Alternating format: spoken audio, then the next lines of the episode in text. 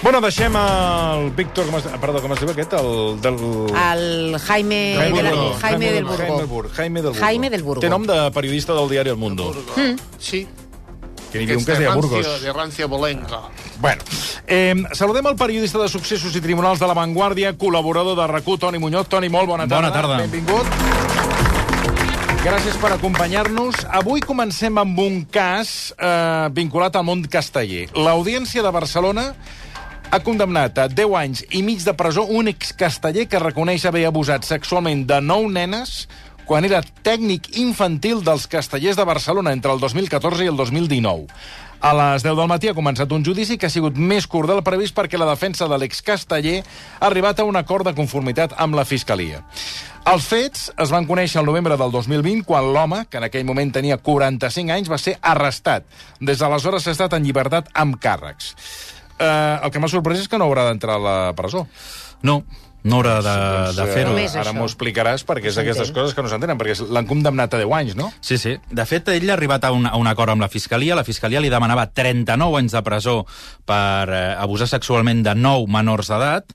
Aquesta era la pena a la qual s'enfrontava, i ell, després d'arribar a aquest acord de conformitat amb la Fiscalia, havia rebaixat aquesta pena, aquesta condemna, a 10 anys i mig. Però passa una mica com el que ja vam comentar fa uns dies de la Shakira, no? que també doncs, va acceptar una pena alta de presó, però que al final, si tu comptaves els diversos delictes individualment, doncs cap d'aquests arribava a dos anys de presó. Doncs és una mica el que ha passat aquí.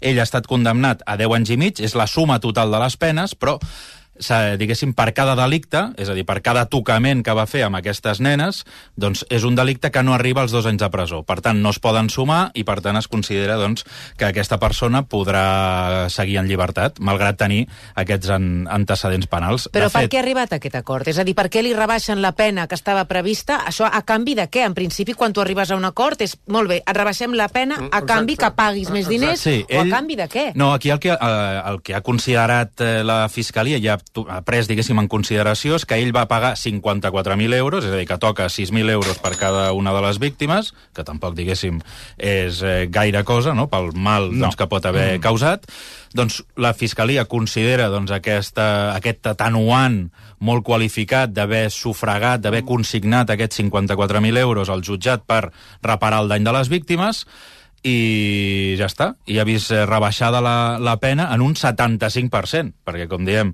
dels 39 anys als 10 anys i mig, i a sobre doncs, no haurà d'entrar a la presó. Ara, aquesta sentència que avui s'ha dictat in voce, que es diu en veu alta, doncs eh, aviat la redactarà eh, l'Audiència de Barcelona i serà ferma, i aleshores és quan es fa, diguéssim, una vistilla, que diuen, no? que és eh, de dir, vale, ara tenim aquests, aquesta condemna de 10 anys i mig, com l'executem? No? Doncs aquest senyor ingressa a la presó, o se li suspèn la pena, o fa treballs per la comunitat, o el que sigui. No? Serà aquí quan es farà aquest tràmit i la Fiscalia, com que ja ha arribat a aquest acord, ha- s'ha compromès a no oposar-se. A, a oposar-se a què? Doncs a que la defensa dirà doncs ara aquesta pena que li quedi suspesa, a canvi de que no delinqueixi una altra vegada, però que li quedi suspesa. I la Fiscalia sembla ser doncs, que li dirà d'acord, doncs no ens oposarem, deixarem que se li suspengui la pena i que aquest senyor doncs, no entri I les famílies no poden recórrer si no estan d'acord amb això o no? En principi és un acord de conformitat que han subscrit, eh, diguéssim, totes les parts. Ah. Eh, veurem. Jo, mm, aviam, a mi és que em sembla molt estrany, també, Sí. sincerament. Vull dir que encara falta aquest... No és, no és segur del tot, és a dir, falta aquest tràmit, no? És a dir, encara pot ser que la Fiscalia s'a- s'acabi oposant. Però, vaja, a priori el, el pacte és aquest. L'acusat era conegut en el món casteller, ho dic perquè, clar... Era eh, molt conegut. Molt conegut. Molt conegut, molt conegut. De fet, jo crec, no sé si crec que podem dir el nom, no? És a dir, és una persona Sí, home, condemnada, eh, que era molt conegut en el món dels castellers, es, deia, es diu Eduard París, i és una persona doncs, que era el cap de colla dels castellers de Barcelona, eh, i també va ser president d'aquesta colla castellera, vull dir, era una persona això- molt, molt coneguda dins de, del món casteller i també era la persona, diguéssim, que relacionava amb les institucions. És a dir, era la persona doncs, que reunia amb l'Ajuntament de Barcelona per demanar les subvencions, és a dir, una persona doncs, un veterà i molt implicat en aquesta colla i que, òbviament, va commocionar molt la seva detenció i ara, doncs, eh, també la seva I com van arribar acceptació. les primeres denúncies? Doncs eh, aquí la, va haver-hi diverses noies, diverses nenes que ho van posar en coneixement de, de la colla castellera, d'alguns dels responsables, i abans d'actuar, perquè clar, aquí s'ha de tenir en compte que quan arriben aquests temes tan delicats, eh, si no estàs molt acostumat a, a tractar amb tot això, doncs és una mica complicat. No, no, per això. I aquí el que va fer la, la colla castellera van derivar aquestes víctimes primer a la unitat funcional d'atenció a menors de Sant Joan de Déu per, eh, que, bueno, perquè les ajudessin, perquè les atenguessin.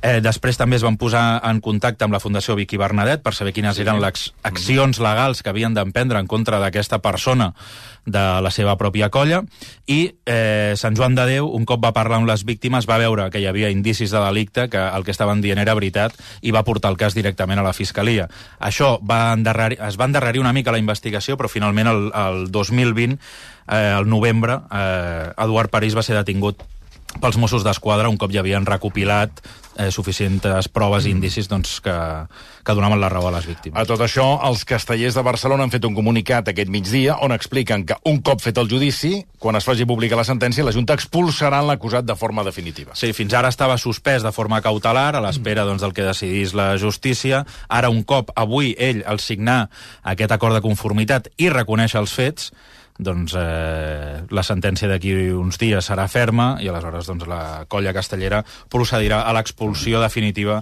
d'aquesta persona dels castellers de, de Barcelona. Bé, anem amb una altra qüestió que ens porta avui el Toni Muñoz, i és que els Mossos d'Esquadra i la Guàrdia Civil han detingut un grup de quatre lladres que l'any passat, atenció, van robar 350.000 euros de la botiga Dior del Passeig de Gràcia de Barcelona. Són un grup que venia de Madrid i que en una acció molt ràpida van eh, superar totes les mesures de seguretat De Madrid, de eh? Madrid, eh? De Madrid. de l'establiment. No. Perquè després diguin que l'amnistia roba diners a Exacte. Madrid. Aneu, eh, mira, mira d'on venen. aneu cap a A veure, Madrid. ara que- explicarem, suposo que Sí. han estat, o sigui, han estat eh, detinguts eh, per aquest robatori, però en deurien fer més, no? Perquè Sí, sí, eren especialistes, eren especialistes en... De Madrid. Ah, Eren de Madrid, Sí, eren sí, un de grup itinerant, és a dir, estaven afincats a Madrid, però es a movien Madrid, per tot arreu. Bueno, sí, sí, però de Madrid. Com que hi ha l'AVE, amb un 3 i no res són aquí, i tornen a marxar. No, amb l'AVE no, no venen amb l'AVE. No venen amb, amb transport públic. Amb l'avió, doncs, No, amb ells l'avió. el que fan, normalment, aquests grups... Ah, Escolti el que diu el Toni Sí, Muñoz, sí, que és sí. l'expert en la matèria. El que fan aquests grups és robar un, un cotxe d'alta gamma, Sí. de- d'alta cilindrada, i aleshores amb aquest cotxe venen des de Madrid, en robat allà. robat eh, a qualsevol aquí, lloc de l'Estat, podríem dir. Podria ser a Cuenca, a Toledo. Podria ser a Cuenca o a Toledo. Sí, sí. Aleshores venen cap aquí, eh, fan, ja saben a quin local, doncs... Eh, Ja ho saben. Ja ho robaran, saben. sí, sí. Vol, vol dir que aquí hi ha algú que... També estan que és consorciats amb un altre grup ah, d'aquí. veus? veus? Sí, S'ajuden mútuament entre La diversos grups de delinqüents. Sí, Sí, sí. I com coneixen, la, per exemple, el cas de la Dior? O sigui, que, que, que vull dir, la, Bueno, el- aviam, és aquest una- tipus és de una- botigues deu tenir mesures de seguretat, alarmes... Tot, Sí, és una botiga de luxe, però... Eh, I aleshores, òbviament, ja és, diguéssim, un dels objectius que tenen aquest tipus de lladres.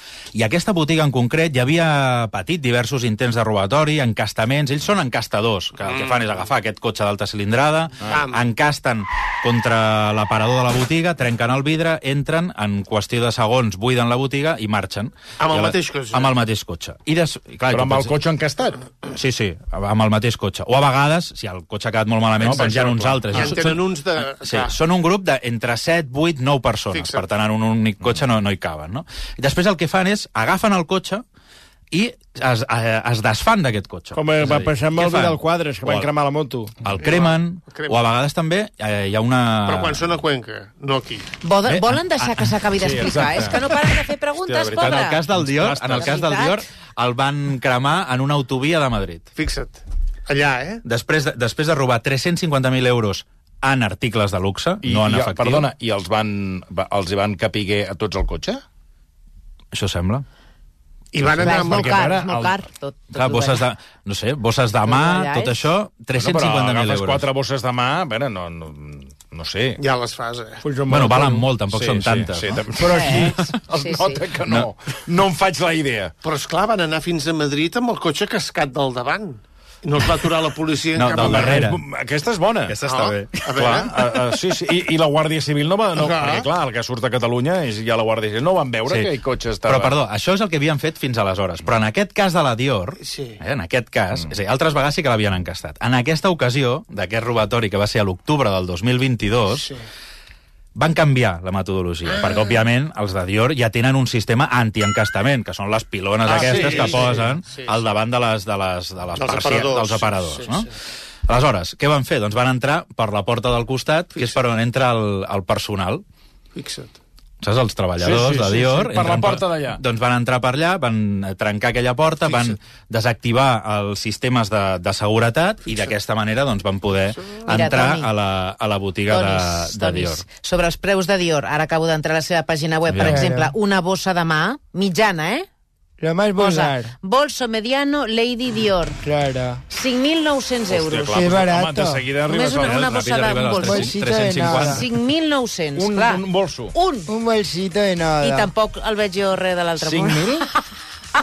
Home, està bé, però... Es la gama básica. 5.900. Clar, va sumant i de seguida ja ho no tens, eh? gastaré No, no, pas. aquest va ser, diguéssim, un dels robatoris més grans, més importants doncs, que van fer al Passeig de Gràcia. A l'any 2022 van haver-hi fins a 8 robatoris a botigues de luxe, però aquest va ser el que es van emportar el botí més gran. I, com dèiem, els propis lladres, davant de les mesures de seguretat que anaven posant aquestes botigues de luxe, ells van anar innovant i van trobar una nova manera per entrar. Si et sembla, hem parlat a, Sí. aquí al versió RAC1 amb el sotsinspector Isidoro Barbero, que és el cap de la unitat central de lladres multireincidents, i que ens explicava això, que els lladres en, aquesta, en aquest robatori de la botiga de, de Dior no van fer un encastament, sinó que van entrar per la porta del costat. primer has de tenir un, un coneixement, un bon coneixement de la zona.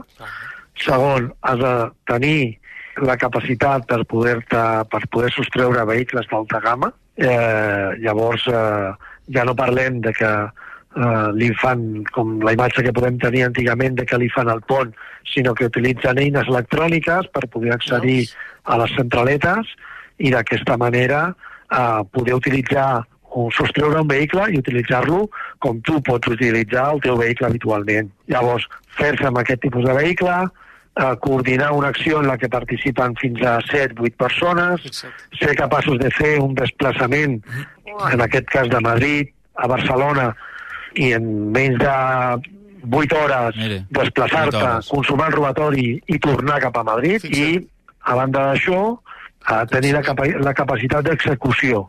En alguns casos, aquesta gent el que està fent és encastament, com la imatge que tenim, Clar. Però, però en aquest cas Però no van aquest fer cas aquest no. encastament. Però fixa't que l'important és que aquí hi ha algú que vigila la Sí, botiga, eh? molt que deu estar assegut allí davant d'aquells bancs que fan veure que miren el, el, el telèfon mòbil i s'estan 3 hores, però jo els he vist. Bueno, potser algú de, Jo els algú de dins de la botiga. ser. eh? Algú de dins, Què home. més t'ha explicat? No, el- també he explicat doncs, que ells mateixos prenen moltes mesures de seguretat, no és que vagin amb el diari i els dos foradets, perquè ara ja doncs, no, no es porta, però que No, sí que però- van encaputxats, que van de negre, que... Realment després a la policia els hi costa moltíssim posar-los rostre perquè, clar, van de negre, van tapats, van encaputxats, com saps que és, qui és Clar, qui ha, qui ha comès aquest, eh, aquest robatori? porten roba fosca i, i roba de, bastant comuna, llavors ja en el moment en què estan a prop de la zona ja van totalment encaputxats, amb guants, llavors eh, els vehicles que utilitzen un cop han finalitzat el, el robatori, si no els aguanten en una zona de seguretat, eh, el que sí que fan és abandonar-los i o bé els cremen, cosa que va passar al cas de Dior, o bé els ruixen per dins de- d'extintors per tal d'evitar que es puguin treure empremtes i, i elements que puguin dur a la, a la identificació. Els Això- ruixen amb, amb extintors, Això eh? no, us- això no ho havíeu d'explicar? Que això són, doneu idees? Bueno, però ja, ja, ho fan, ja ho fan, ja ho saben, això, els lladres. Ah, ja ho eh? saben. Clar, Clar. Ja, ho- per això ho fan. Sóc jo que no ho sé. Exacte. Bueno, tanquem aquest, aquesta, aquest tema i parlem de presó eh, per la presumpta assassina del seu nòvio. Eh, a presó la dona de 26 anys acusada d'haver matat la seva parella de 33 anys a Sant Adrià del Besòs inicialment. Recordem-ho, la noia eh, és qui va avisar els serveis d'emergència i va explicar que dos individus l'havien atacat, a, atacat a casa. Sí, aquest és un cas una mica estrany, eh, que ens va sorprendre a tots la setmana passada. Això, eh, aquest crim es va cometre el 16 de novembre, en què un noi de 33 anys, eh, de nom Gerard, doncs havia mort apunyalat eh, a casa seva. La seva dona, que estava embarassada, que també té 26 anys, doncs eh, també havia quedat malferida en una cama, i eh, doncs, en aquell mateix moment, quan vam saber de tot això, de la mort d'aquest noi i d'aquesta noia doncs, també que havia quedat malferida, doncs clar, tots ens vam començar a preguntar què és el que havia passat, no? Eh, ella eh, que era l'únic testimoni doncs, que havia presenciat els fets, va explicar a la policia que estaven tranquil·lament a casa seva quan van irrompre mm. en el seu domicili Sí. dos assaltants mm. Ja pots dir. eh, amb un ganivet i que van atacar el seu nòvio Jesús. i el van matar i amb ella doncs, la van deixar malferida en una cama. No? Ella és una noia doncs, de, de 26 anys que està embarassada d'aquest- de la seva parella, que, era, que és la, la víctima, i bé, doncs, en un primer moment doncs, la, va ser traslladada a l'hospital, i ningú sabia exactament què és el que havia passat. Els Mossos d'Esquadra doncs, van començar a la seva investigació a veure qui eren aquests dos assaltants, aquestes dues persones que havien atacat aquesta parella no? de Sant Adrià del Besòs. El problema va ser doncs, que van començar a mirar les càmeres de seguretat dels comerços dels voltants, a preguntar als testimonis, als, als veïns, a veure si havien sentit o vist alguna cosa, i ningú va veure aquells dos assaltants Fixa't. ningú havia vist eh, a cap persona doncs, irrompre amb un ganivet en, aquella, en aquell domicili. I aleshores, eh, de mica en mica, doncs, eh, diguéssim, el testimoni d'aquesta dona es va anar esvaint, es va anar esfondrant, fins al punt doncs, que la setmana passada eh, va ser detinguda com a autora, com a presumpta autora de la mort de la seva parella. Jesús. Una dona, eh? Fixa't. Jesús. Bueno, eh, I per tant ella es va autolesionar. Això és una de, un dels indicis. Clar, també podria ser que en el marc hi, ha- hi hagi hagut una baralla no, entre tots dos i que ella, diguéssim, s'hagi defensat, eh, mm. saps? Ja. Vull dir que pot ser que primer ella... Que ella hagués una baralla que i una que la baralla, defensa... Sí, sí, Exacte. I després ella no agafés sabem. el però sí que és ganivet i- veritat que el que ens diuen els investigadors és que eh, la víctima tenia moltes ganivetades. Vull dir que no seria, diguéssim, una, una actuació defensiva, sinó que en tenia moltes. Hi ha algun que... mòbil on... Doncs la veritat és que no se sap a priori. Els Mossos d'Esquadra estan una mica desconcertats perquè els veïns sí que van veure aquesta parella arribar al domicili agafats de la mà. Vull dir que no sembla ser que tinguessin cap mena de, de problema, no? Però al final, I, doncs... I el eh, ganivet s'ha trobat o no? El ganivet s'ha trobat, no ho sé, això. Això no m'ho han dit. Això, això és... Això no m'ho han dit. No m'ho diuen tot, és tampoc, la, eh? És, és la- l'arma de l'homicidi. El crimen.